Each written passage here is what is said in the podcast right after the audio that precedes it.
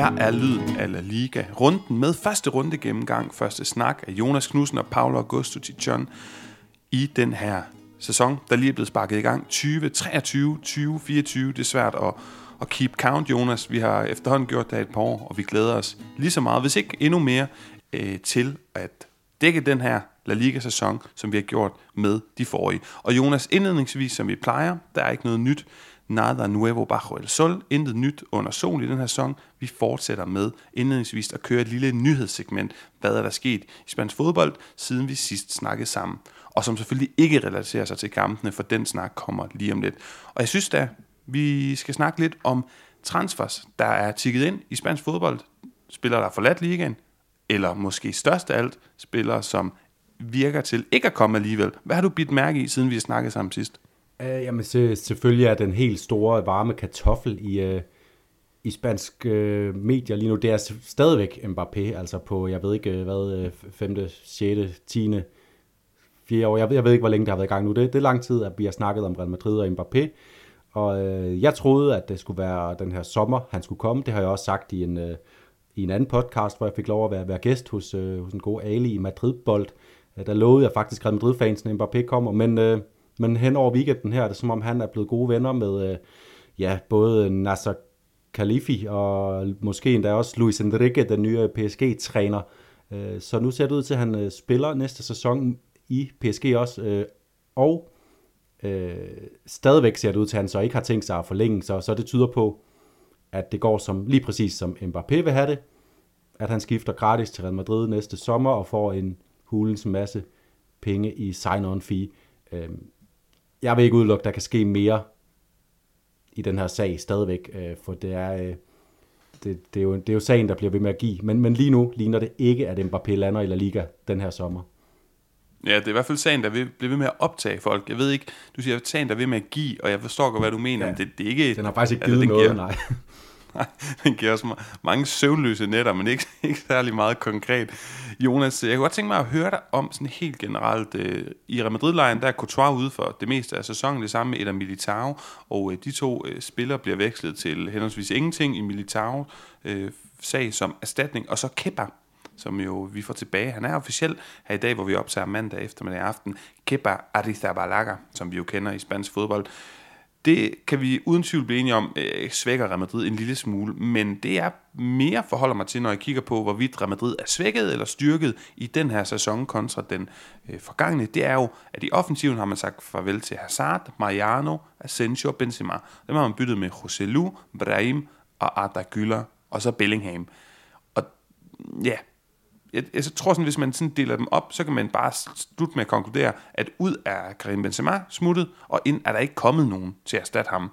Kan du i din vildeste fantasi forestille dig, at, at Real Madrid kan overleve en sæson uden sådan en målsluger, hvis du virkelig skal være fantasifuld? Jeg, jeg har svært ved at se det. Altså nu fik vi jo øh, en, en lovende start for dem, med, øh, hvor, hvor det er jo helt tydeligt, at der er masser af spændende spillemæssige perspektiver, og også masser af perspektiver i, at det her et øh, samarbejde øh, involverende Jude Bellingham og Vinicius og Rodrigo, især de tre selvfølgelig, men, øh, men jo også med masser af friskhed i holdet med, med Camavinga, uh, og Fede Valverde, som så godt ud. Altså, uh, der, der, der er stadig masser af perspektiver i den Real Madrid-offensiv, men det er nu engang bare sådan, at, at vi tit ser de hold, der, der ender med at løbe med, med mesterskaber, især mesterskaber. Det, det er måske noget andet i Champions League, hvor, hvor hvor det er lidt mere er, er på dagene, at man skal være der. Men, men i det her lange run med 38 kampe, der ser man bare tit, at det er dem, der har øh, en stor målscore, der ender med at, at vinde mesterskaberne. Og i sidste sæson havde Barcelona topscoren på holdet. I forrige sæson havde øh, Real Madrid topscoren på holdet med Benzema. Og øh, jeg tror ikke, at Real Madrid har en topscorer på holdet lige nu. Selvom at øh, Rodrigo fik scoret og har vist sig som en, øh, en øh, ja, sådan gavtyv-agtig målscore til tider også i, øh, i sidste sæson, især i nogle vigtige kampe i Champions League og så videre, og forrige sæson. Øh, og Vinicius øh, har også scoret mere og mere, som tiden er skrevet frem, men er der nogen af dem, der scorer 25 mål den her sæson? Det, er, øh, det, det, det tør jeg altså godt stille mig meget tvivlende overfor. Ja, det, det tør jeg også godt. Hvad har du ellers efter ved? Jeg tænker, at der er en kantspiller i FC Barcelona, som er smuttet, og så er der jo en, hvis, hvis nu skal lave sådan en lidt svær overgang, så er der en, en muslimsk kandspiller, der er smuttet i FC Barcelona, men der er også en muslimsk kandspiller, som er blevet, hvis det giver mening. Jeg snakker om Dembélé og Esabte, hvis nogen skulle være i tvivl.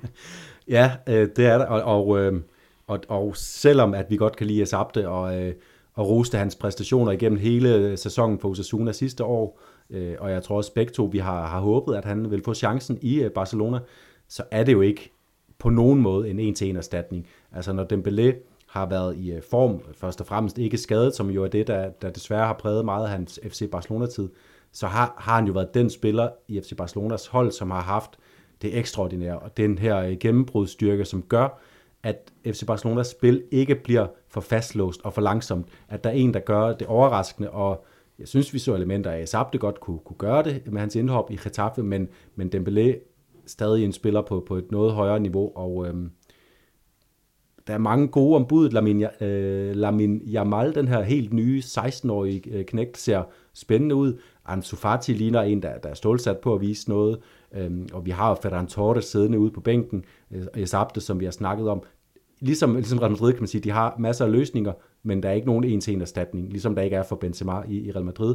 Og det kan jo godt bekymre en, netop fordi FC Barcelonas øh, forår i mesterskabssæsonen, som ikke var sprudlende, der manglede netop noget, noget, noget sådan et overraskende element i spillet. Nogen, der kunne gøre noget ud af ingenting, ingenting sådan som vi ved, at Dembélé kan med sine øh, accelerationer og idéer i spillet.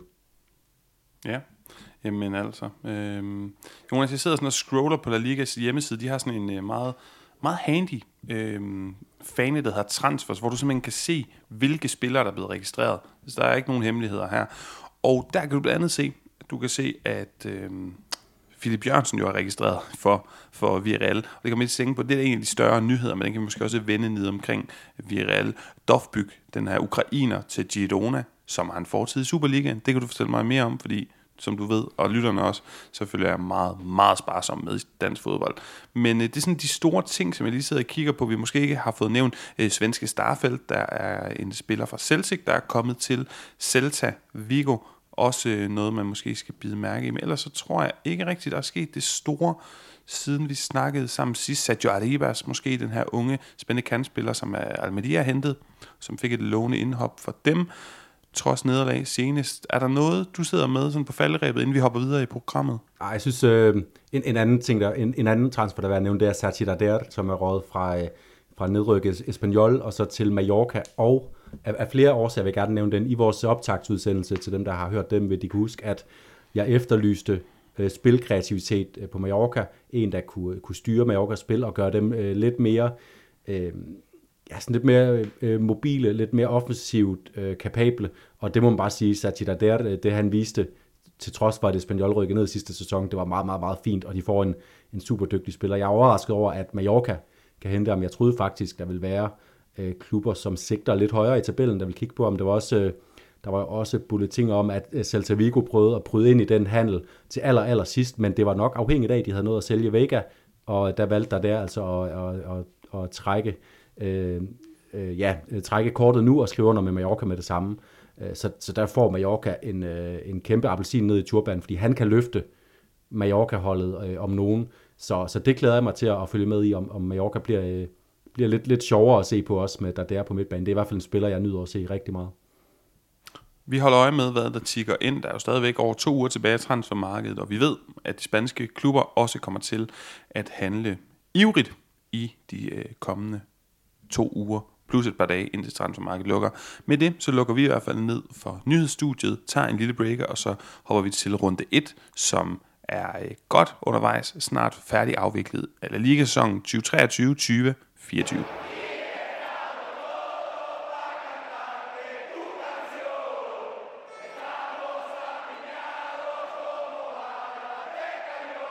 Jonas, inden vi præsenterer resultaterne for runden og et par snakke, som er affødt af de resultater, vi har fået for runden, så skal det jo lige sige, at vi sidder her mandag aften, og vi har desværre hverken fået Cadiz Alaves eller Atletico mod Granada med de to sidste kampe. Og det er simpelthen fordi, ja, vi, jeg er i hvert fald lidt hårdspændt for herhjemme med arbejde, så det er simpelthen kun her mandag aften, der kunne lade, lade sig gøre at øh, optage. Jo længere vi kommer hen i sæsonen, jo mere plausibelt bliver det jo, at vi kan optage om mandagen, hvor det er en mindre kamp, siger jeg i godsøjen, øh, som vi så skal undvære. Vi er jo trætte af særligt at skulle undvære Atletico Madrid, som vi har store forventninger til.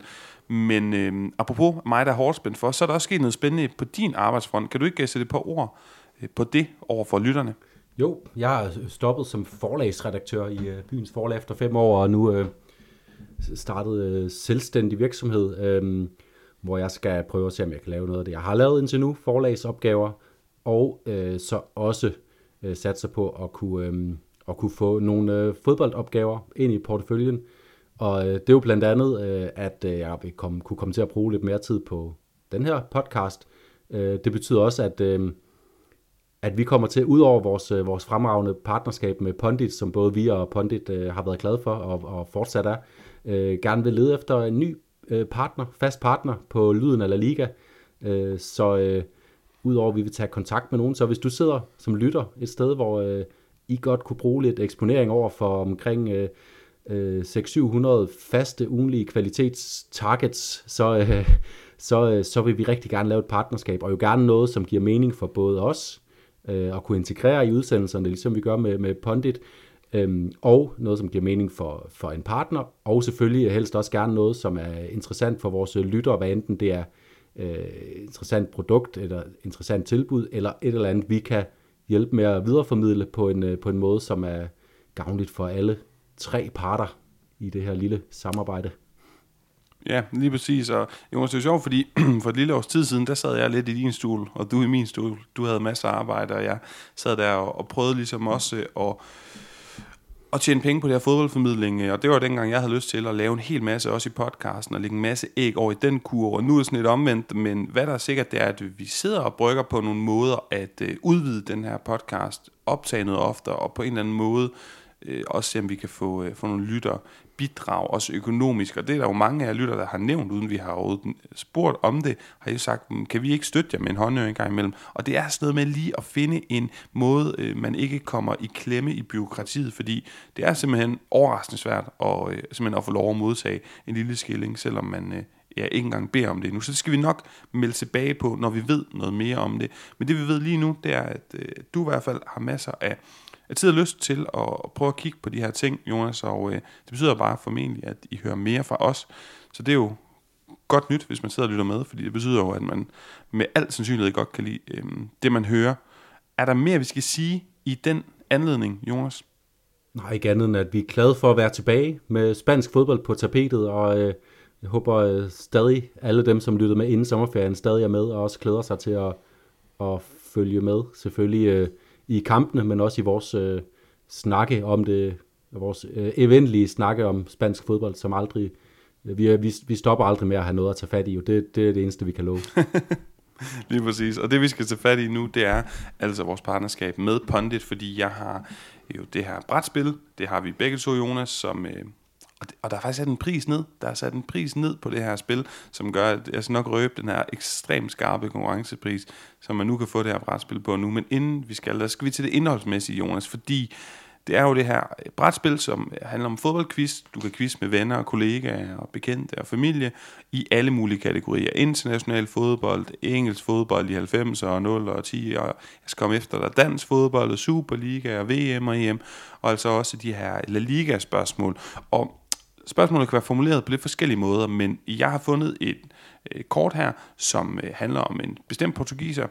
Mm, men i stedet for, at du skal gætte på ham, så skal du gætte på øh, den her startopstilling, der figurerer på det her kort. For det er en startopstilling fra VM 8. finalen. Den blev spillet 25. juni 2006. Portugal mod Holland, og Portugal vinder 1-0. Og Portugal, de har en del øh, spillere, Blandt andet fordi det er jo det andet land på den iberiske halvø, som har figureret i spansk fodbold. Blandt andet så har de tre offensive spillere med i den her kamp, som ligger i en 4-2-3-1 på næst sidste linje og skal fodre legendariske Pauletta. Og jeg kunne godt tænke mig, at du gættede alle tre offensive spillere. Og det tror jeg godt, du kan, for lad mig bare sige det sådan, det er nogle rimelig store spillere. Ja, og Pauletta, som også har en fortid i, i spansk fodbold i Deportivo, men det, det er før øh, vi kan huske, tør jeg godt sige.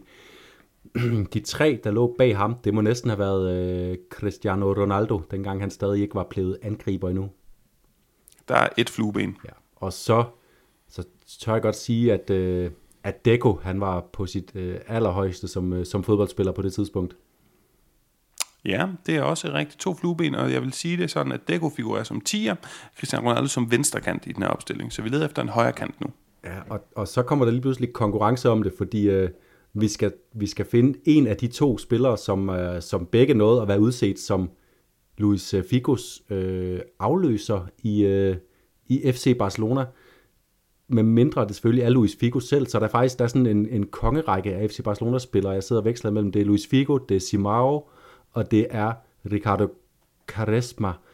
Og øh, jeg tror faktisk, jeg hælder til at sige, at Luis Figo stadigvæk var øh, integreret del af det portugisiske landshold på det her tidspunkt. Det er korrekt. Yes. Meget smukt at opleve, hvordan du lige... Du har faktisk, du er faktisk videre for Figo, og så ah, han skal også ind i billedet, og det er helt rigtigt, det er ham. Dejligt. Jeg var, lige ved, jeg var faktisk lige ved, lige ved at klemme ham, fordi det var Simao og Caresma, dem har man ligesom lært at kende. De spillede bare altid for Portugal, uanset hvor, hvor tvivlsomt det så ud for dem på klubplanen. Jamen, det er, det er helt vildt. Nå, prisen på det her spil, det er altså nu øh, 399 generelt. Og øh, jer lytter af Lyden af Liga, I skal kun betale 319 kroner nu ved brug af jeres kode. Og det støtter stadig vores podcast med 100 kroner per salg. Så altså, normal pris på Bondit, 399. Jeres pris, 319 kroner ved brug af koden øh, Lyden. Hvordan var det nu? Kan du overhovedet huske den, Jonas? Lyden 20. Lyden 20. Det står i hvert fald i podcastteksten. Og hvis I er i tvivl, så kontakt os på Facebook eller på øh, Twitter. Nå, lad os hoppe videre. Jonas, lad os hoppe videre til runden, der er gået. En runde 1 i La Liga, hvor vi fik utrolig mange udebanehold, som fik scoret to gange, og som også vandt deres kampe. 5 ud af 8 tilfælde indtil videre. Det synes jeg er sådan lidt pussy øh, kuriositet. Fordi fredag aften, der fik vi Almeria mod Rayo, to straffesparkscoringer til Rayo, og så fik Francisco jo en bedre start på den her sæson i sit nye job, end Vicente Moreno, der også er ny job. Så fik vi Sevilla mod Valencia, Valencia der vandt 2-1, mål af Diakabi og Guerra, enormt flot, meget øh, sen sejr af Ruben Barajas, pur unge Valencia-mandskab. Og det er jo så også mod det her aldrende Sevilla-hold, Jonas. Du nævnte det jo også i sæsonoptakten. Du bliver nærmest træt bare af at se ordet eller fodboldholdet Sevilla foran dig. Lad os komme mere ind på det lige om lidt. Lørdag fik vi Real Sociedad mod Girona 1-1. Øh, mål af den tidligere Superliga-spiller, som jeg nævnte, Artem Dovbyk. Jeg har aldrig hørt ham før. Jeg fandt bare ud af, at han har spillet i Superligaen før. Og så også Las Palmas Mallorca 1-1. Og så fik vi Atletic Klub mod Real Madrid 2-0 til Real Madrid. Bellingham, han førte an en ung og spændende midtbane. Han ligesom øhm, havde var spydspids for som eh, etier. Han kvitterede med en flot opvisning og debutmål i Real Madrids øjne. Søndag der fik vi Celta mod Osasuna 2-0 til Osasuna. Dårlig start på den her jubilæumssæson for Galicerne under Benitez, men solide Osasuna de fortsætter ufortrødent. Vi fik også Villarreal mod Real Betis 2-1 til Real Betis Kiki Setien mod sit gamle hold. De spillede bedst, men de tabte. Lyder det bekendt? Det synes jeg i hvert fald, det gør. Sen scoring af William José. Og sidste kamp, vi har med i runden, Retafe Barcelona 0-0. Det antyder, at der ikke er noget at snakke om, men der er rigtig meget at snakke om. Jonas, hvor skal vi starte den her runde gennemgang? Uh, jamen, uh, der, der, jeg synes altså virkelig mange spændende resultater. Det er næsten kun uh, Las Palmas Mallorca, som sådan er klædet lidt ubemærket hen for mig. Uh, jeg synes, det er vildt spændende. Uh, måske ikke det, at Osasuna formår at vinde på udebane over Celta Vigo, men det lignede bare et Osasuna, der moser på lige præcis på den måde, vi har lært dem at kende på. Det er ikke, fordi de har bolden meget, det er ikke, fordi de skaber vildt mange chancer, men de ser bare gode ud i uh, alt, hvad de laver. Morica gled direkte ind og var en god uh, uh, mand på deres venstre bak. Ruben Peña spillede en fænomenal kamp, og uh, havde også scoret et mål, hvis ikke det var for stolpen. Uh, Møj Gomez så, så for at sparke Riposten ind til, til 0-2. Så Osasuna, dem skal vi bare, dem skal vi bare regne med i, i kampen om uh, som minimum uh, top 10 måske svært at se dem sådan, sådan lidt længere fremme. Og så selvfølgelig er det bemærkelsesværdigt, at, øh, at Valencia formår at vinde på en, ja, øh, vi har vores spørgsmålstegn omkring Sevilla, men jo stadigvæk på en af de, de absolut sværeste udebaner i en premierekamp, og med, med det her hold, som bare bliver ved med at blive pillet øh, ned, både i formodet kvalitet og i, øh, i gennemsnitsalder. Øh, det, er bare, det er bare virkelig imponerende, og selvfølgelig, at det er... Øh, at det er Diakabi som midtbanespiller, der scorer målet, og så Javi som vi også øh, lærte at kende, da han var øh, med til den at redde Valencia i sidste sæson, der scorer målene. Det har også bare nogle, øh, nogle perspektiver over sig, så øh, vildt, øh, vildt, vildt, vildt vigtig start for Valencia, fordi der skal ikke meget til der, for at det hele ser øh, gravkammer sort ud jeg bliver nødt til at krybe til korset og sige, at jeg jublede en lille smule. Jeg har ikke noget mod Sevilla. Jeg jublede lidt, da har vi et scoret. For det er så fed en historie, det her, Jonas. Og vi skal virkelig love hinanden, det gør vi jo automatisk, at holde øje med i løbet af sæsonen. Og sådan at kende forskel, fordi de, de, altså i, start, i, i, slutningen af sidste sæson, da de kom ind, Diego Lopez, også uh, Javier Guerra, der var flere, Marin Marie, eller sådan Alberto Marie. Alberto Marie, ja. Ja, øh, og, og nu er der også ham her Gosalbes. Der er mange unge Valencia-spillere, som jeg ikke har en Kinamands chance for at kende, før de lige pludselig dukker op og får chancen. Vi skal virkelig prøve at, at se, om vi kan ja, sådan tage dem ind, lære dem at kende og prøve at få defineret deres, øh, ja, altså dem som spillertyper, og hvor gode er de, og hvor godt leverer de lige nu, fordi faktum er jo bare, at Gata, han bomber, altså okay, så mange mål, han heller ikke scoret i Liga, men han kan score mål, og han virker slet ikke præget af det her øh, på en negativ måde, han er fuldstændig klar, og helt vildt afgørende scoring, han leverer her, fordi de giver dem noget arbejdsro. Og så er det rigtigt, som Søren, øh, man alle skal gå ind og følge på, øh, på Twitter, der, der, der går under brugernavnet Valencia CFDK, han skriver det her med, det er også spændende at se, i hvor høj grad de bliver præget, de her unge spillere, af Mestaya, fordi det kan også blive en negativ faktor. Vi har begge to været på det her stadion, du mere end mig. Øh, man kan også forestille sig, at det her enorme forventningspres, og de her meget meget passionerede fans, jamen det kan også komme til at blive noget, som gør, at de øh, bliver nervøse, og lige pludselig kan den her opbakning vende sig til et, et for tungt forventningspres, som kan kvæle dem en lille smule allerede i næste kamp. Ja, og, og vi havde jo også den snak, da vi var hjemme hos Morten Broen tilbage i, øh, det må have været januar eller sådan noget, hvor, hvor Valencia virkelig hang øh, ned i suppedasen, øh, og hvor jeg argumenterede lidt for, at jeg tror, når, når endelig Mestalla skal være der, øh, så skal de nok være der. Og det var de jo også i sidste sæson, selvom det balancerede på en knivsæk, om det var presset, der var for stort, eller om, øh, om, de, øh, om de ligesom kunne øh, øh, hjælpe deres, øh, deres unge helte frem. Jeg tror det, netop det faktum, at det her Valencia-hold nu er blevet øh, Baraja har taget en, en, en drastisk beslutning, man fornemmer, at han har været meget ind over det i hvert fald, at få øh, for eksempel øh, Edinson Cavani øh, ud. Øh, noget af det her tunge gods, som man fornemmer, okay, er de i Valencia, fordi at de tror på, at det her det kan blive til noget, eller er de her, fordi det var en rimelig stor klub, der kan se meriterende ud på deres CV til sidst i deres karriere, og de kunne trods alt få noget, noget løn og spille i La Liga og sådan noget. Altså nu er det, øh, nu er det nogle spillere, som ser ud til øh, at have, have tilvalgt Valencia. I hvert fald nogle spillere, som, øh, som Mestalla hurtigt kommer til at kunne, øh, kunne få ind under huden som deres egne.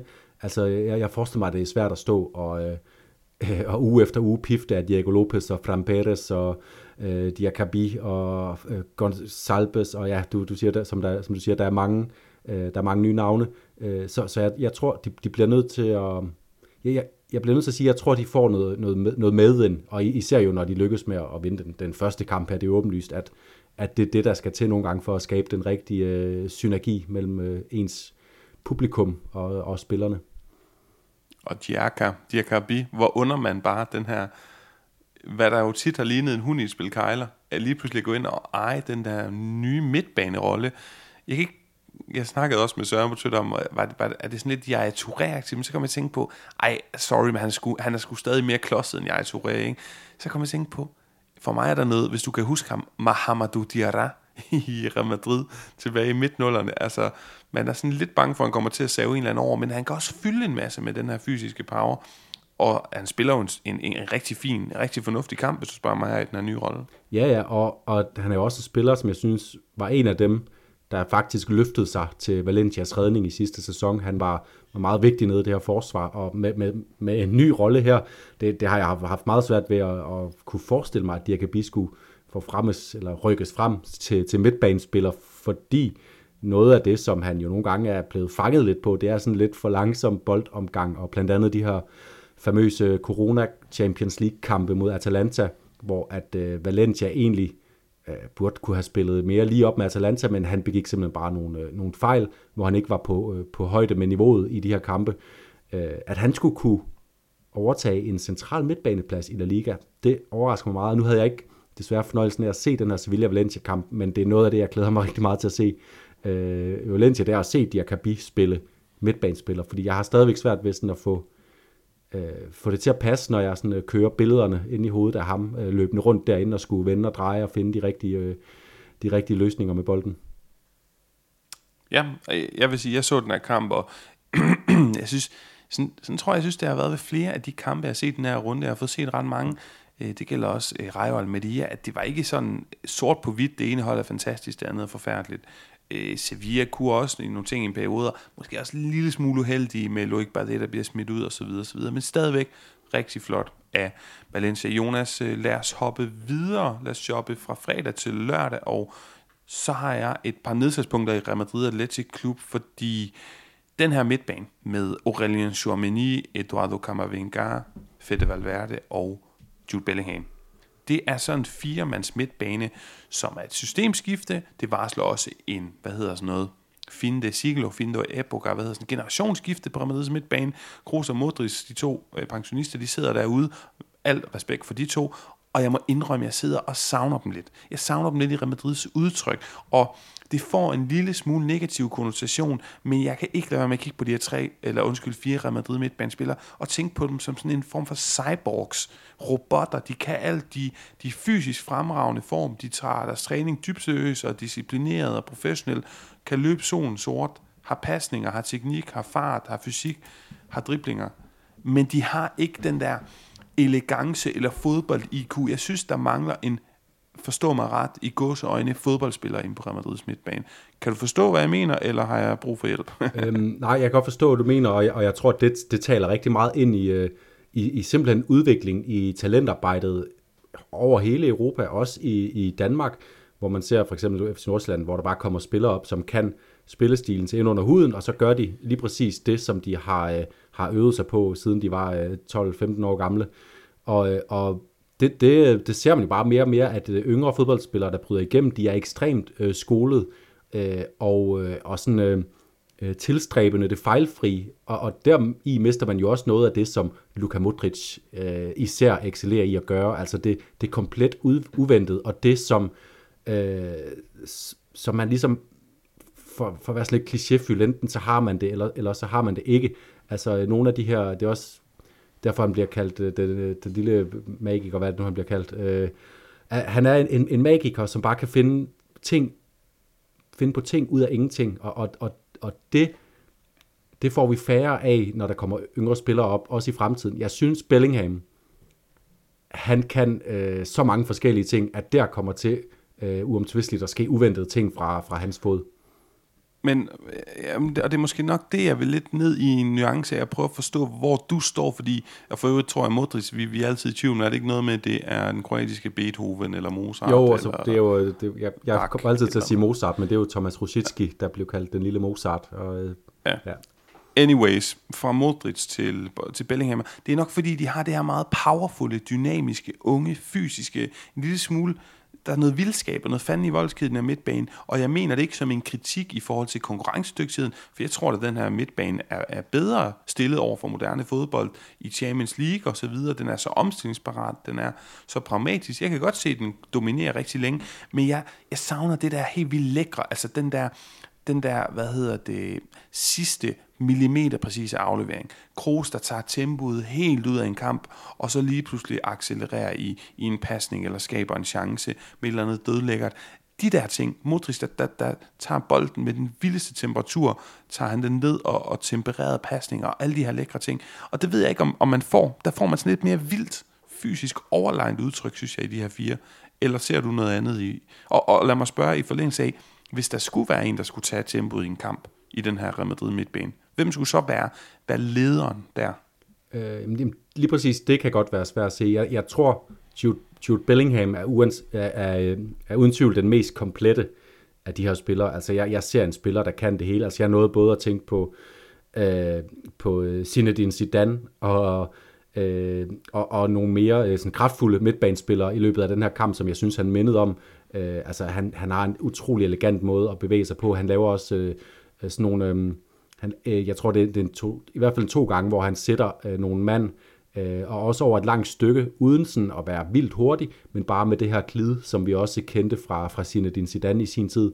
Øh, så, så jeg er ikke i tvivl om, Bellingham kan få det. Og, og det er også det, jeg vil sige, der er, der er to ting i det her. Det ene er, øh, noget af det her geni, det, det er også bare noget, der bliver opdyrket, jo ældre man bliver, og jo mere overskud man får, fordi Luka Modric er jo også en anden spiller, end da han kom til Real Madrid. Han har altid været Øh, øh, boldførende og øh, god til at, at vende sig rigtigt, tage fantastiske boldberøringer, men han er jo bare blevet endnu bedre til det her med alderen og med roen. Øhm, så jeg tror, jeg synes også, at Eduardo Camavinga, han har, øh, han har virkelig nogle gode perspektiver i sit spil, men han, han bliver jo nogle gange lidt for, for hastet i det. Og øh, lige nu er det, er det en midtbane, der, der bare kommer ud og skal brænde noget krudt af. Men jeg tror, at øh, en, hvis ikke to af dem, kommer til at finde øh, noget ro. Og Germany, han har jo lidt mere den her øh, tilbagelænede stil over sig. Selvom vi, øh, selvom vi også kender ham som spiller, der, der kan dække store områder på banen, så har han lidt mere den her, øh, den her, det her sekserpotentiale i sig.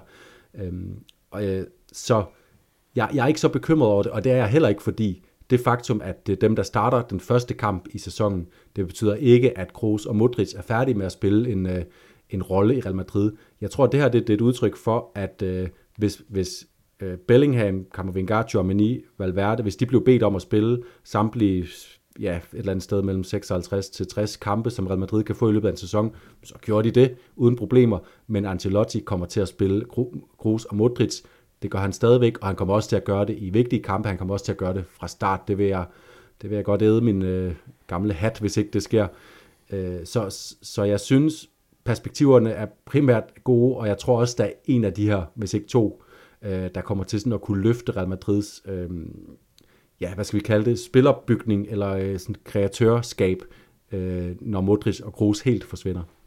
Og jeg tror, Bellingham er den, der primært kommer til at løfte den opgave ingen tvivl om, at han får en virkelig flot debut. Altså, både det der med, at han kommer glidende ned i nogle vilde taklinger, og netop også har de her lange slalomløb, Zidane løb, og så er han jo også score, virker nemlig øh, som en meget, meget spændende spiller. Og ikke nogen tvivl om, Jonas, det skal vi lige have med til de lytter, der ikke øh, læser spanske aviser, der ikke ser spansk tv eller hører spansk radio.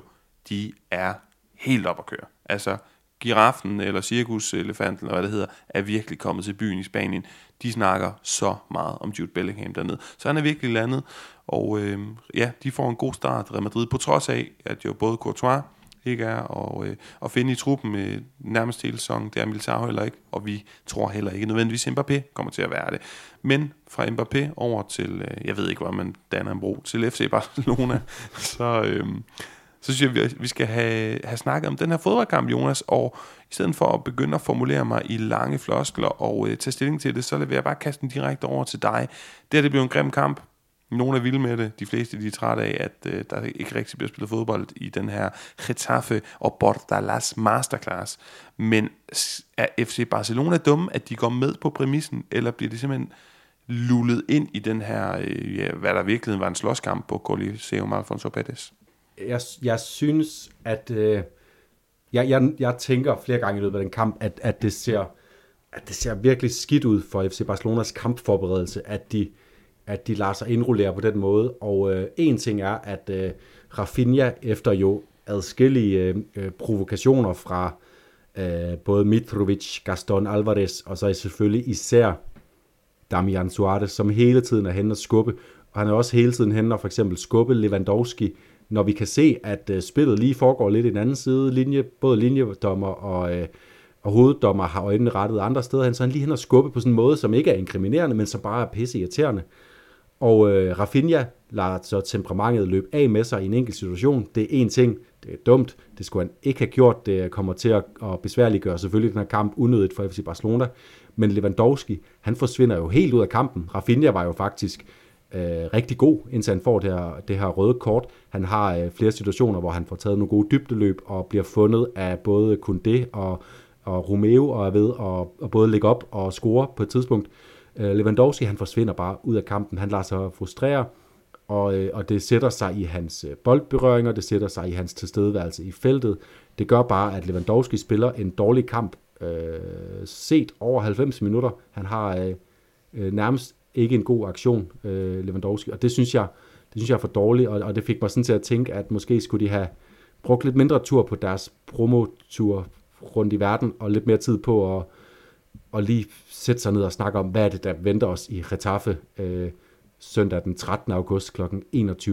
Hvad er det for en øh, mareridt, vi ved, vi går ind til, fordi det virkede på en eller anden måde, som om de var uforberedte, og jeg ved godt, det er jo det er utopi at forestille sig, at de var det, fordi alle de stabsmedlemmer og øh, den professionelle forberedelse, man ved, der ligger bag øh, i sådan nogle store klubber her, så er det jo sandsynligt, at de ikke var forberedt på det, men det virkede bare, øh, det virkede jo bare for Retaffe, nærmest lige fra første fløjt. Jeg tror, der er sådan et kvarter, hvor Barcelona egentlig ser okay ud, øh, får spillet øh, bolden godt rundt, holdt den væk fra Retaffe-fødderne, og lige så bider de så bare sådan stille og roligt ind i haserne på dem, og ind i først og fremmest øh, øh, deres, øh, deres sind.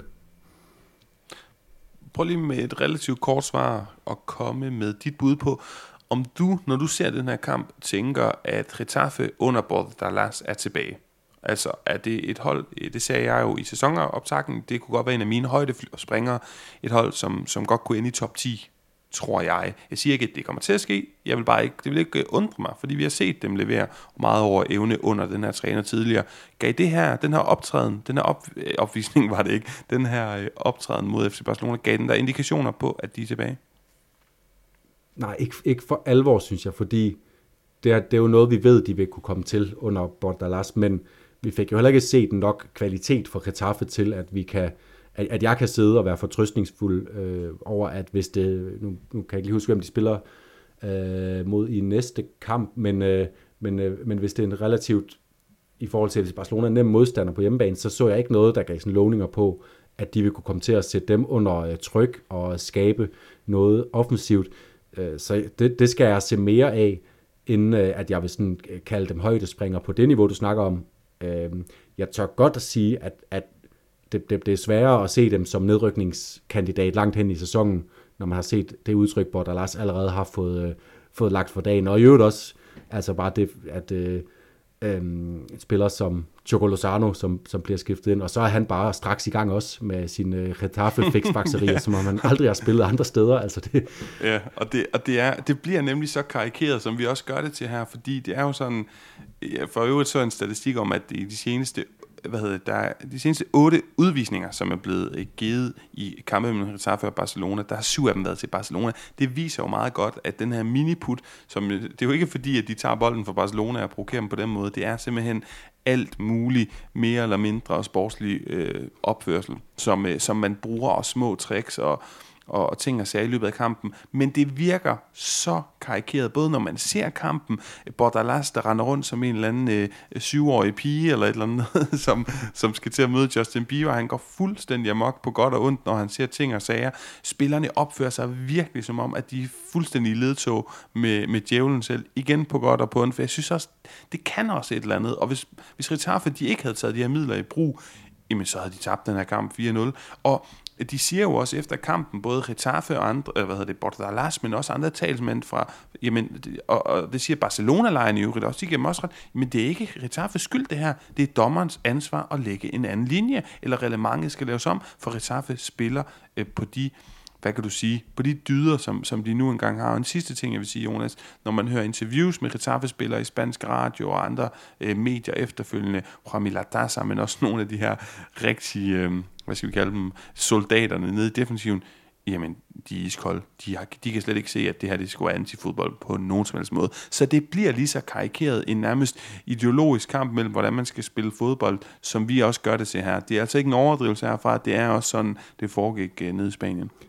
Nej, og så, og så meget som jeg gerne vil hellere vil se et øh, retaffehold med Pedro Leon og Granero og Soldado og hvem vi ellers har, har set spille fremragende fodbold for Retaffe gennem tiden, så, så kan jeg ikke sidde og, og være forarvet over, at de spiller den her kamp på den måde, de gør. Og, og, der, og der vil jeg især fremhæve en spiller, altså Tierney, som jo også deltager selvfølgelig i de her fiksfakserier, men øh, i hans rolle som, øh, som sekser, som han har fået i, til, i, øh, i kampen her, selvfølgelig for at stikke både Pedri, men også Gündogan og Frankie de Jongs offensiv spil. Øhm, der gjorde han det jo bare godt, også sådan rent fodboldmæssigt, kommer hele tiden ind i duellerne og er i haserne på dem, og selvfølgelig begår han sin frispark, han får også gul kort og er øh, i vælten meget af tiden, men Tjenes spiller jo øh, ja, altså som den eneste Retaffe-spiller måske, øh, David Sodia også, øh, spiller en, en fremragende kamp. Øh, resten er jo ren øh, krigermentalitet, og det er bare det er bare den måde, de har valgt at tro på, at de kan, at de kan slå FC Barcelona på. Så, øh, og så kan vi andre glæde os til at se FC Barcelona spille mod Rayo Vallecano og Las Palmas og Celta Vigo, og, og de hold, som, som gerne vil gøre tingene på en, på en anden måde, og prøve at, at spille op med FC Barcelona på, på nogle øh, lidt mere åbne præmisser, men det her det er bare en del af, det er en del af fodbold, at øh, små hold, små budgetter øh, møder øh, kæmpe multinationale virksomheder, der køber og spiller i Øst og Vest. Nu har Barcelona ikke lige præcis den højeste status økonomisk lige nu, men det er jo en overmagt, de er op imod, så selvfølgelig gør de tingene på den måde, hvor de kan få nogle point, og øh, jeg så heller ikke nogen Retaffe-fans, der sad og skammede sig over noget som helst. De var pivstolte af, af det, som de øh, 11-16 spillere leverede øh, 14 noget at være i aktion. Øh, de var pivstolte af deres 14, øh, 14 helte. Mm. Du når at sige, at Barcelona ikke øh, køber så mange spillere i Øst og Vest, og det er jo også rigtigt nok, men de har jo købt en spiller øh, for penge, Oriol Romeo. Så har de øh, hentet et par spillere, blandt andet Ilkay Gündogan, som også optræder i den her kamp. Øh, ikke for penge, og så alligevel koster han nok en chat, men de er i hvert fald hentet på en fri transfer. Ser vi nogle ting, som vi kan udlede noget af? Man skal altid være påpasselig her i starten af sæsonen med at begynde at konkludere øh, for tidligt og præmaturt, men så du noget i midtbaneopbygningen? For der var fire centrale midtbanespillere og kun én kandspiller, inden han så blev udvist. Jeg synes egentlig, at begge, både Romeo og Gündogan, i, i faser spillede rigtig godt. Især Romeo, synes jeg faktisk, slipper rigtig godt fra sin øh, ja, debut, kan man ikke kalde det, hans øh, comeback-kamp for, for FC Barcelona. Øhm, han, øh, udover at han er, er den her øh, spiller, der, der står og bryder angreb, angreb, som vi kender ham for, og som skal være hans sådan, primære force, så er, han jo, så er han jo godt med i spilopbygningen. Han er en af dem, der ikke trækker tempoet for meget ud af spillet, som vi så især øh, de tre midtstopper, øh, som vi kan sige, Araujo, Kunde, Christensen, kom til at tage for mange boldberøringer. Romeo synes jeg egentlig holdt gryden meget godt i kog, og så alligevel bliver begge deres, øh, begge deres præstationer sådan lidt beskæmmet af, at jeg synes ikke, det fungerede for FC Barcelona at have de her fire midtbanespillere. Og det, det, det gjorde det ikke, fordi der blev simpelthen ikke lavet noget plads til, at Pedri kom nok på bolden. Jeg synes egentlig, at Frankie de Jong spiller en god kamp og tager rigtig meget ansvar, men i og med, at han tager rigtig meget ansvar, så kommer Pedri øh, øh, noget mindre på bolden. Han bliver gemt lidt væk oppe i, øh, omkring Lewandowski og øh, Rafinha, så længe han nu, nu var der. Og derfor øh, så vi Pedri for lidt på bolden, og det er en meget, meget vigtig opgave for Xavi, hvis han hurtigt vil lykkes med at få skabt et øh, mere målfarligt Barcelona-hold, det er at få Petri mere på bolden, og gerne langt frem på banen, men med udgangspunktet for langt frem på banen, så bliver Petri lidt, en, øh, lidt for meget en skyggespiller. Og apropos Petri, Jonas, så har vi fået post fra Michael Bang Johansen, og jeg tager den med her, for den handler om Petri, hans spørgsmål, og så måske også for at sige, at en af de ting, vi har snakket lidt om, du og jeg, som vi måske søsætter, det er en form for spørgsmål og svar øh, episode, vi kunne komme en gang med, hvor man sådan kan betale sig med en lille håndskilling for at få øh, øh, ja, svar på et spørgsmål, man brænder ind med. Så måske er det her det sidste spørgsmål, som kommer med kvitterfrit øh, i den her podcast historie. Vi finder ud af det. Michael Bang Johansen, han skriver i hvert fald, hej med jer. Har lyttet med siden sidste sæson og generelt glad for jeres podcast, særligt når det omhandler Barcelona, som jeg har holdt med siden øh, 93-94 sæson. Jeg har en kommentar plus et spørgsmål omkring Pedri, som jeg håber, I vil vende i jeres podcast. Vi ved alle, hvor god og talentfuld Pedri er, og han har nu været fast mand mere eller mindre de sidste tre år på både landshold og Barcelona. Hvor meget kommer Pedro til at rykke sig i den nye sæson, sæson, og burde vi ikke kunne forvente, at han løfter sit spil endnu mere? For mig så synes jeg, at sammenligningen med Zidane ikke er helt fjern. Pedri har vel omtrent samme tekniske egenskaber som Zidane. Han har et godt drive og flow med bolden, og er vel ligesom Zidane nærmest hurtigere med bolden uden. De har begge unikt blik for spillet og kan både spille lange og korte afleveringer, som de færreste andre ser. De kan sparke med begge ben, Øh, men der hvor Pedri mangler noget, som Zidane havde, er Zidanes evne til at være gennembrudsstærk, den mere afgørende dribling mod til at skyde udefra, drible to mand på kanten af feltet, selv spark på mål, frem for en aflevering ud på fløjen. Burde vi ikke kunne forvente, at Pedri løfte sit niveau mere? Burde vi ikke forvente, at en spiller hans kaliber kan komme på Zidanes niveau? Og skyldes begrænsningen, hvis jeg har ret i min præmis, at Barcelonas spillestil måske hæmmer hans udvikling lidt?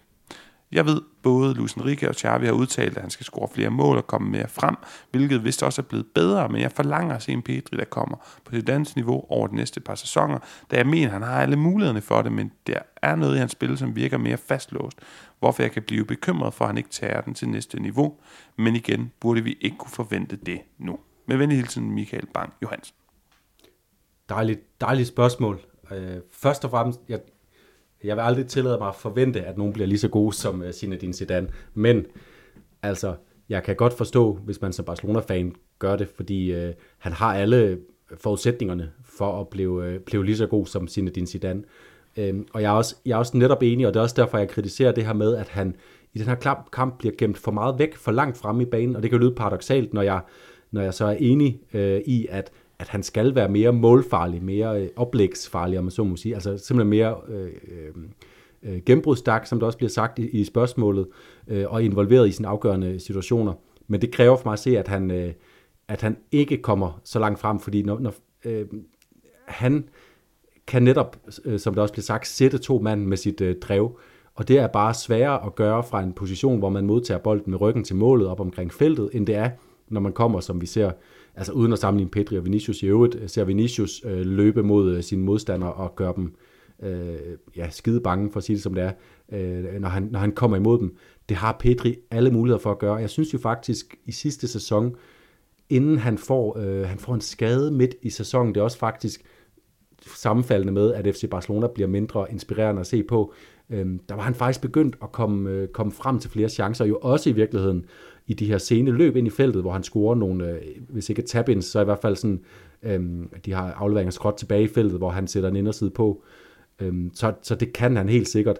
Den her kamp mod Retaffe var ikke et eksempel på, at han skulle være farlig, men det var også de absolut sværeste vilkår, både fordi Retaffe stod og spillede, som de gjorde, meget, meget, meget svært at finde plads til, til små lækkerier inden for en øh, Retaffes felt i den kamp. Men også for mig at se, fordi det her med at spille med Romeo, De Jong, Gündogan, Petri, det er indtil videre for mig at se øh, et projekt, jeg har svært ved at se øh, lykkes.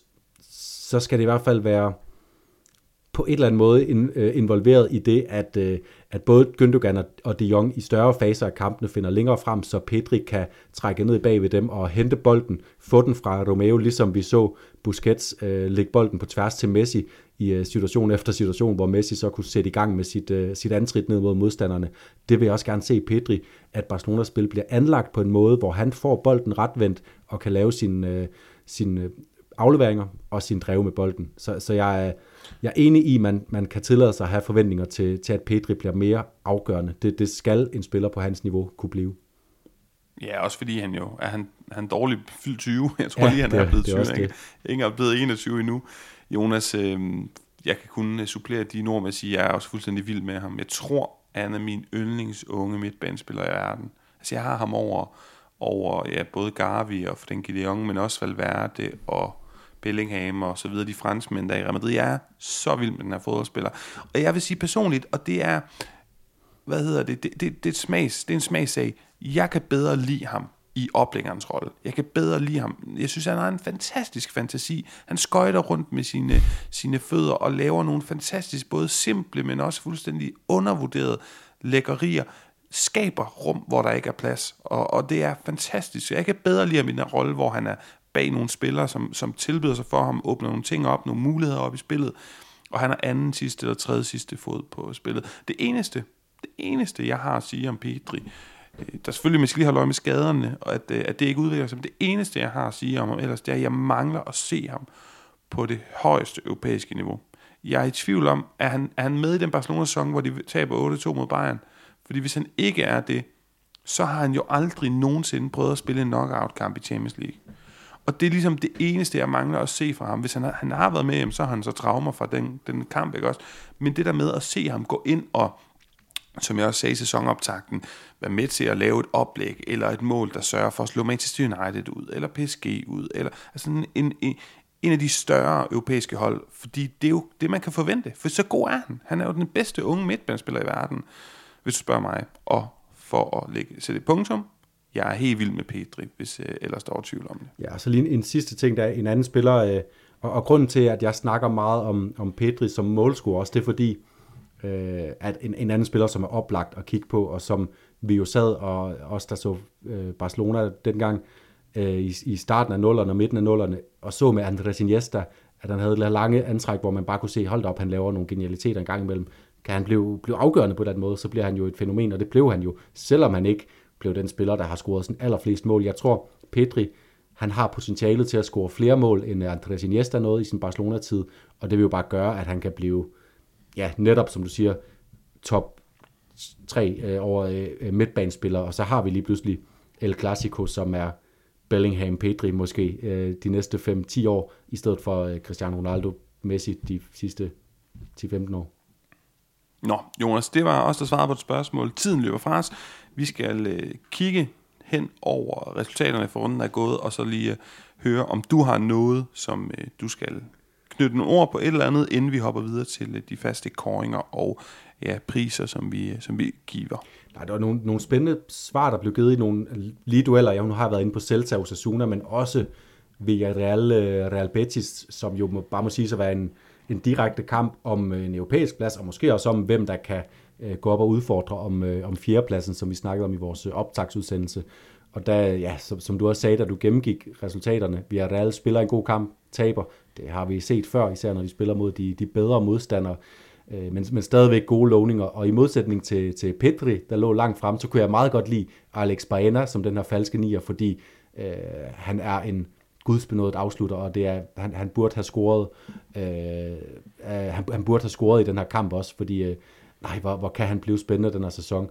Og så er Betis bare pivfarlig, når de går den anden vej. Luis Enrique, synes jeg, spiller øh, en fantastisk kamp. Altså de kontraangreb, han, øh, han slår ind, det oplæg, han laver til øh, det er Jose Perez fremragende mål, det er, det er bare storslået. Og så synes jeg, vi skulle huske at rose Philip Jørgensen for en udmærket øh, kamp. Øh, han er nu førsteholdsmålmand for Villarreal, med mindre de finder noget andet på, på transfermarkedet resten af august.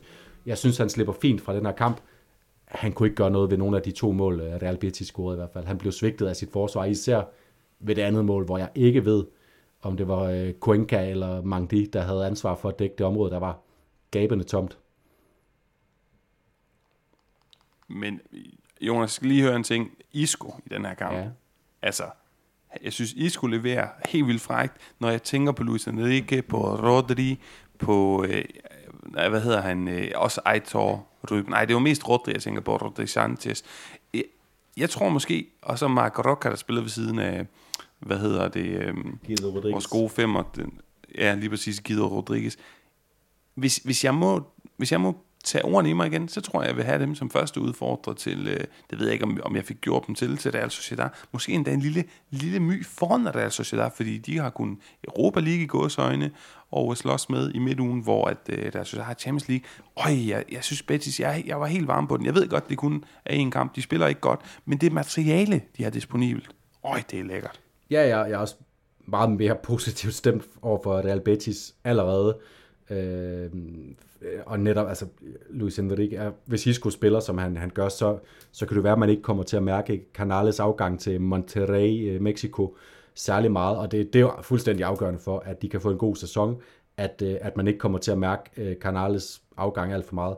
Øhm, og ja, når vi så også samtidig så, at Real Sociedad, de spillede en af de der kampe, som de også gjorde en 5-10 gange sidste sæson, hvor man bare sådan havde indtryk af, gud, hvor øh, er I bare ved at overmande jeres modstander med jeres fodboldkompetencer og jeres, øh, jeres, jeres fuldstændig øh, øh, velgennemarbejdet øh, strategi i alt fra opbygning af spillet til hvordan de står på banen.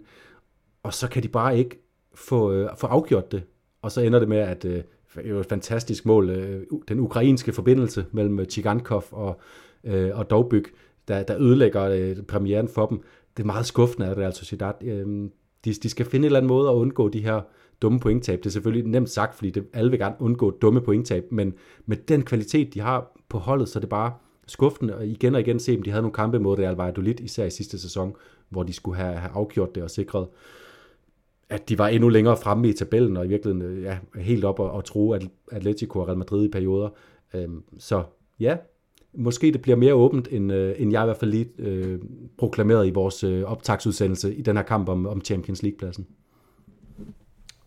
Med de ord, Jonas, så hopper vi til en øh, sidste breaker for i dag, og så skal vi jo have øh, de her klassiske kategorier. Vi skal have nogle koringer og nogle priser, der skal uddeles. Men det kommer altså på den anden side af den her breaker. Si tú me das, te invito a que dejemos todo un lado. Que empieza la liga, yo sé que me dices que sí, que sí, que sí, que sí.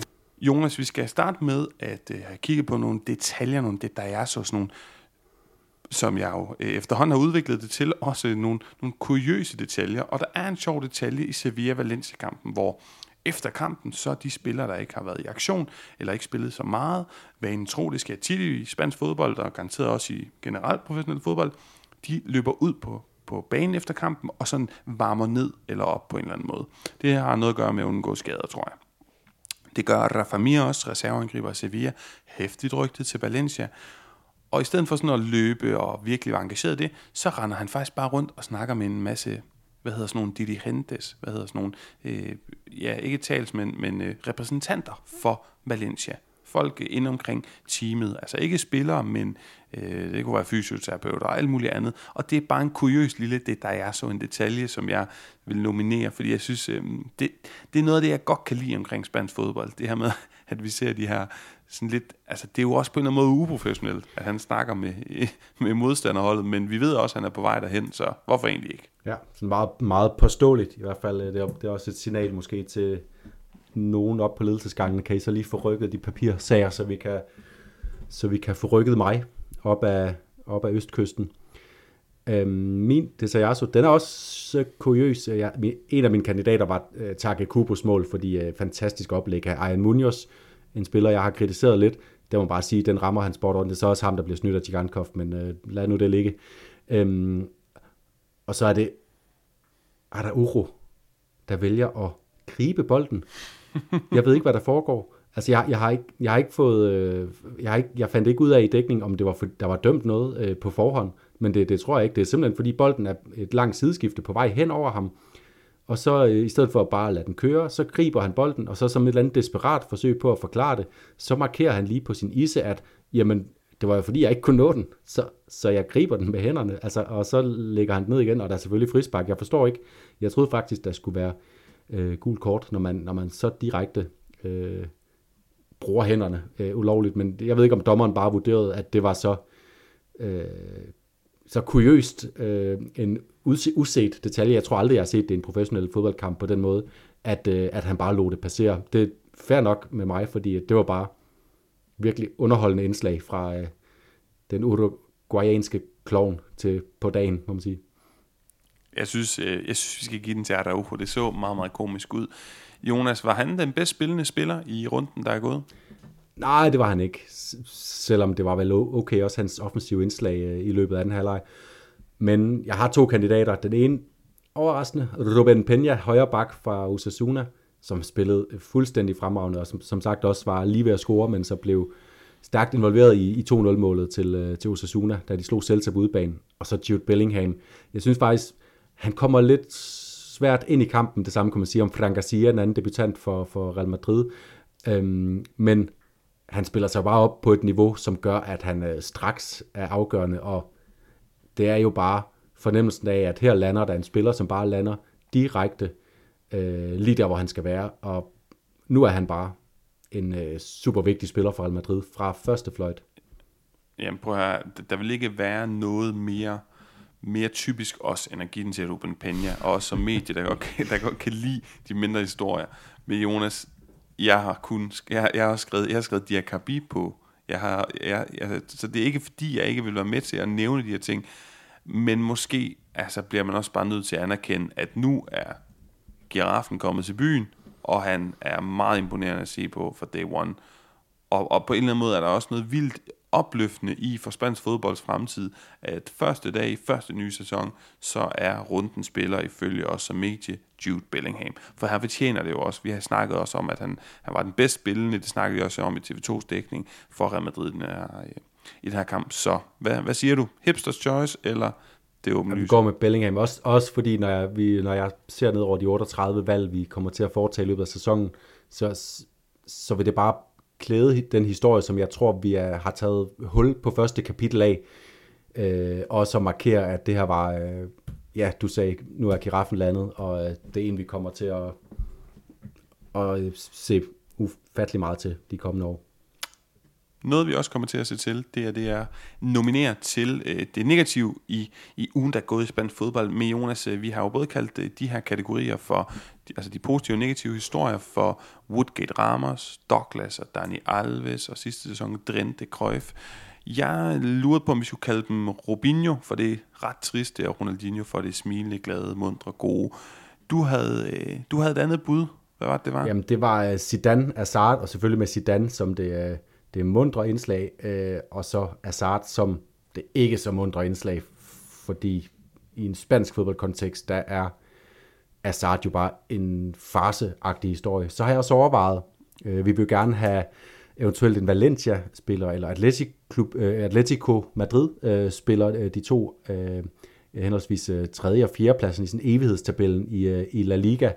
Øh, og det kunne være Mendieta, Mehmet Topal, det kunne være David Villa, og jeg ved ikke hvem, det her kunne vi godt tænke os i løbet af ugen, den næste uge, lige at sådan få lidt øh, input fra, fra vores lyttere, både om de synes, det skal være Zidane, Hazard, Rubinho, Ronaldinho, eller om de har et rigtig godt bud, fordi jeg ved heller ikke med med Topal, han var bare sådan en lidt middelmodig spiller, og vi overvejede lidt Griezmann, Gamero, men Gamero har ikke rigtig gjort sig fortjent til at blive øh, sådan dadlet for hans tid i Atletico, han var bare ikke lige sådan på niveau. Øh, det må være med nogen, der sådan har gjort sig negativt bemærket på en sådan insisterende måde, eller på en spektakulær måde. Ja, så kom med inputs, øh, ja, både Valencia og Atletico-fans, der lytter med her, men også bare generelt, øh, jeg lytter, kom rigtig gerne med inputs til, hvad den her kategori kan den her sæson.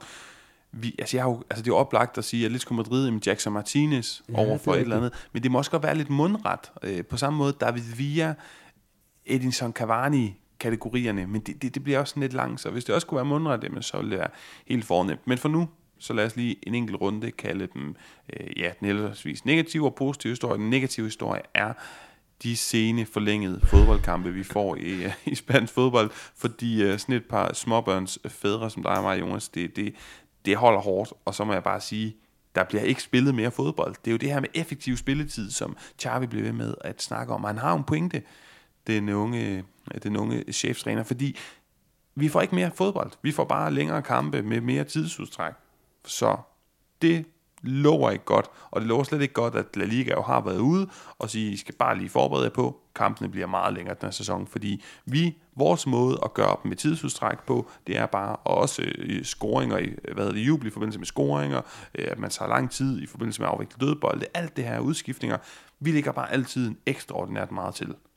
Og det kommer til at betyde, som jeg sagde, langsomme kampe, lange kampe, som ikke hjælper på rytmen, seeroplevelsen, den effektive spilletid. Det er min negative historie. Nej, det er jo ikke, fordi der er blevet scoret flere mål i den her første La Liga-runde indtil videre, øh, i, i forhold til at La Liga også er sådan lidt i måltørke i de her år. Så det kan jeg godt være enig i. Jeg retter min skyts mod Atletico, som har fået øh, Riyad Air som, øh, som hovedsponsor, mavesponsor på deres, øh, på deres trøje. Og det er bare så irriterende, fordi... Øh, vi ser det her run af spillere til, øh, øh, til Saudi-Arabien, som man kan mene, man vil. Vi diskuterer det i vores, op, øh, vores øh, sæsonoptakt, hvis man, øh, hvis man vil høre vores, vores holdning til det.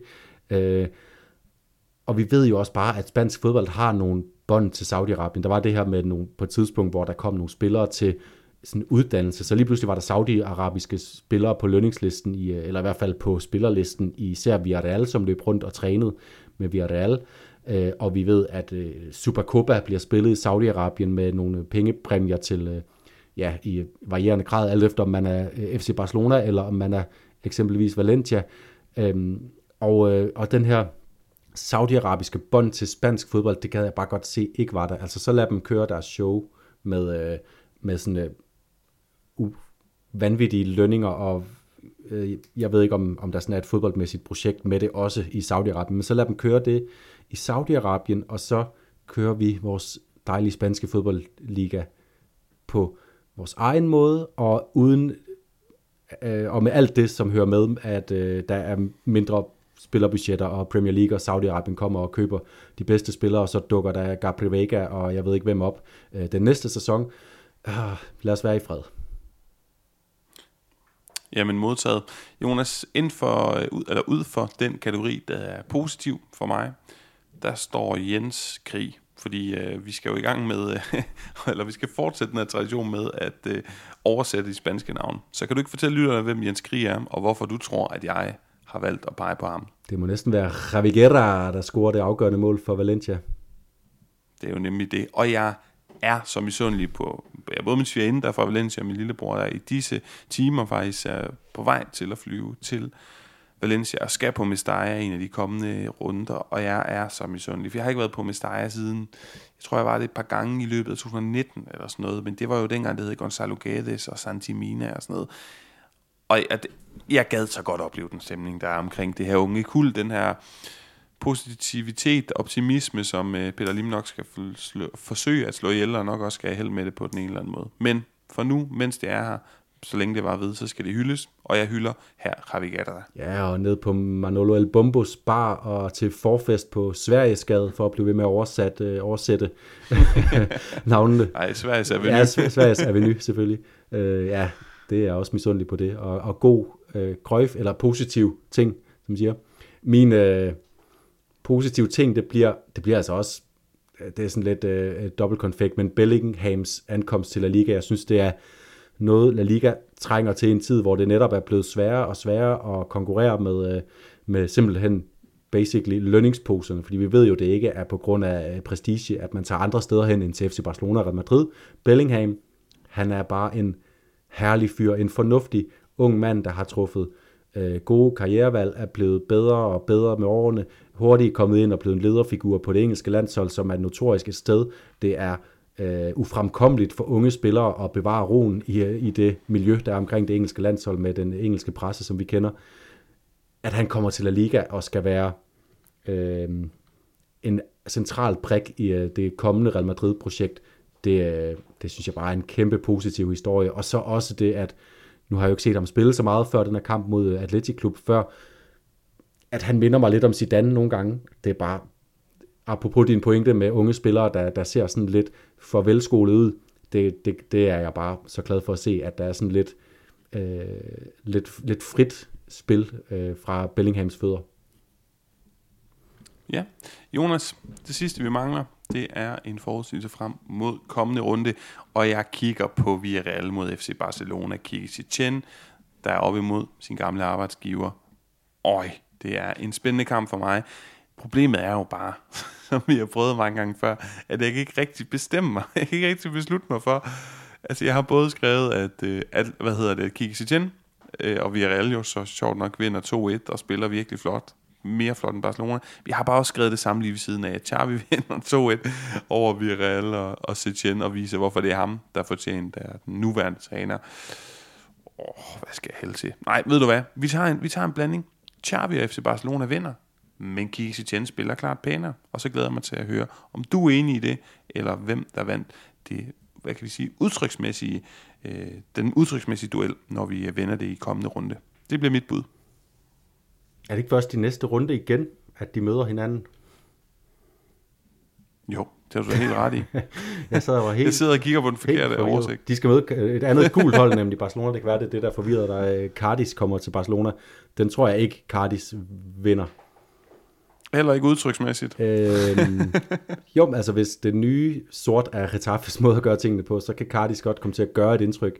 Øh, for sådan lige at lade dig tænke et øjeblik, øhm, så tror jeg, at øh, jeg tror Osasuna, de får altså en rigtig god start, og jeg havde Atletic Klub lidt som, øh, som, som min, jeg havde dem som min favorit til at blive nummer 5 inden sæsonen, men de var altså rigtig skuffende i den her kamp mod Real Madrid. Osasuna kom super godt fra start. De spiller hjemme i Pamplona lørdag aften.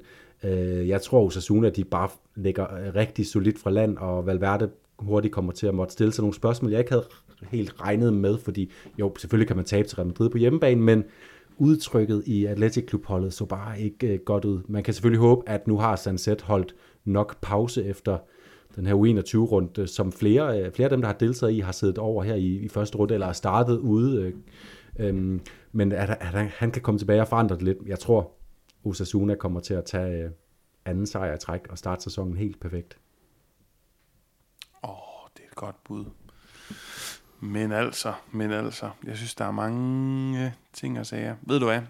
Dårlig dom over Villarreal, det er ikke noget at ønske, og undskyld Patrick Hoffsson, men jeg tror simpelthen, uh, Mallorca sparker rundt i gang med at vinde på ferieøen over Villarreal. Det vil være klassisk, øh, klassisk fredag aften resultat i La Liga. Ja, og det vil ikke være usandsynligt, hvis Vedat Murici, han er øh, på den ene eller anden måde øh, hovedperson i den fortælling. Så det bliver mit bud, jo, lige, og så må vi jo øh, se. Lige for at runde, øh, nu Atletic Club snakker vi lidt om, så, så fik vi et lille svirp med halen i, uh, i TV2's nye La Liga-magasin, La Liga Loca, hvor øh, Junker øh, lidt skoset en eller anden podcast for at, at mene, at Atletic Klub kunne blive nummer 4. Øh, og der vil jeg bare sige, sige to ting. Ja, det er måske lidt optimistisk. Måske også, at jeg havde dem som nummer, nummer 5. Øh, men øh, jeg synes, næste gang skal han høre øh, den her sæsons optakt, i stedet for sidste sæsons optakt, hvor du jo havde Athletic Klub som Champions League-kandidat. Men øh, det var altså et år siden, så, så de holdninger synes jeg ikke, du skal holdes op for, og slet ikke uden navns nævnelse. Nej, jeg har slet ikke øh, lagt mærke til det der magasin, så det kan være, at jeg skal prøve at se det, hvis de snakker om os. Jonas, vi skal i hvert fald snakke mere om, om det hele, om spansk fodbold øh, igen om en uges tid, men nu siger jeg, at vi lukker ned, for det er også ved at blive øh, sent på aftenen, og vi er også optaget i en god, øh, lang omgang. Tak fordi I lyttede med. Husk at byde ind på, hvad de her kategorier kunne hedde, hvad synes I kunne være sjovt, og også gerne noget, som er sådan en lille smule mundret. Vi lyttes ved snarest. Ciao.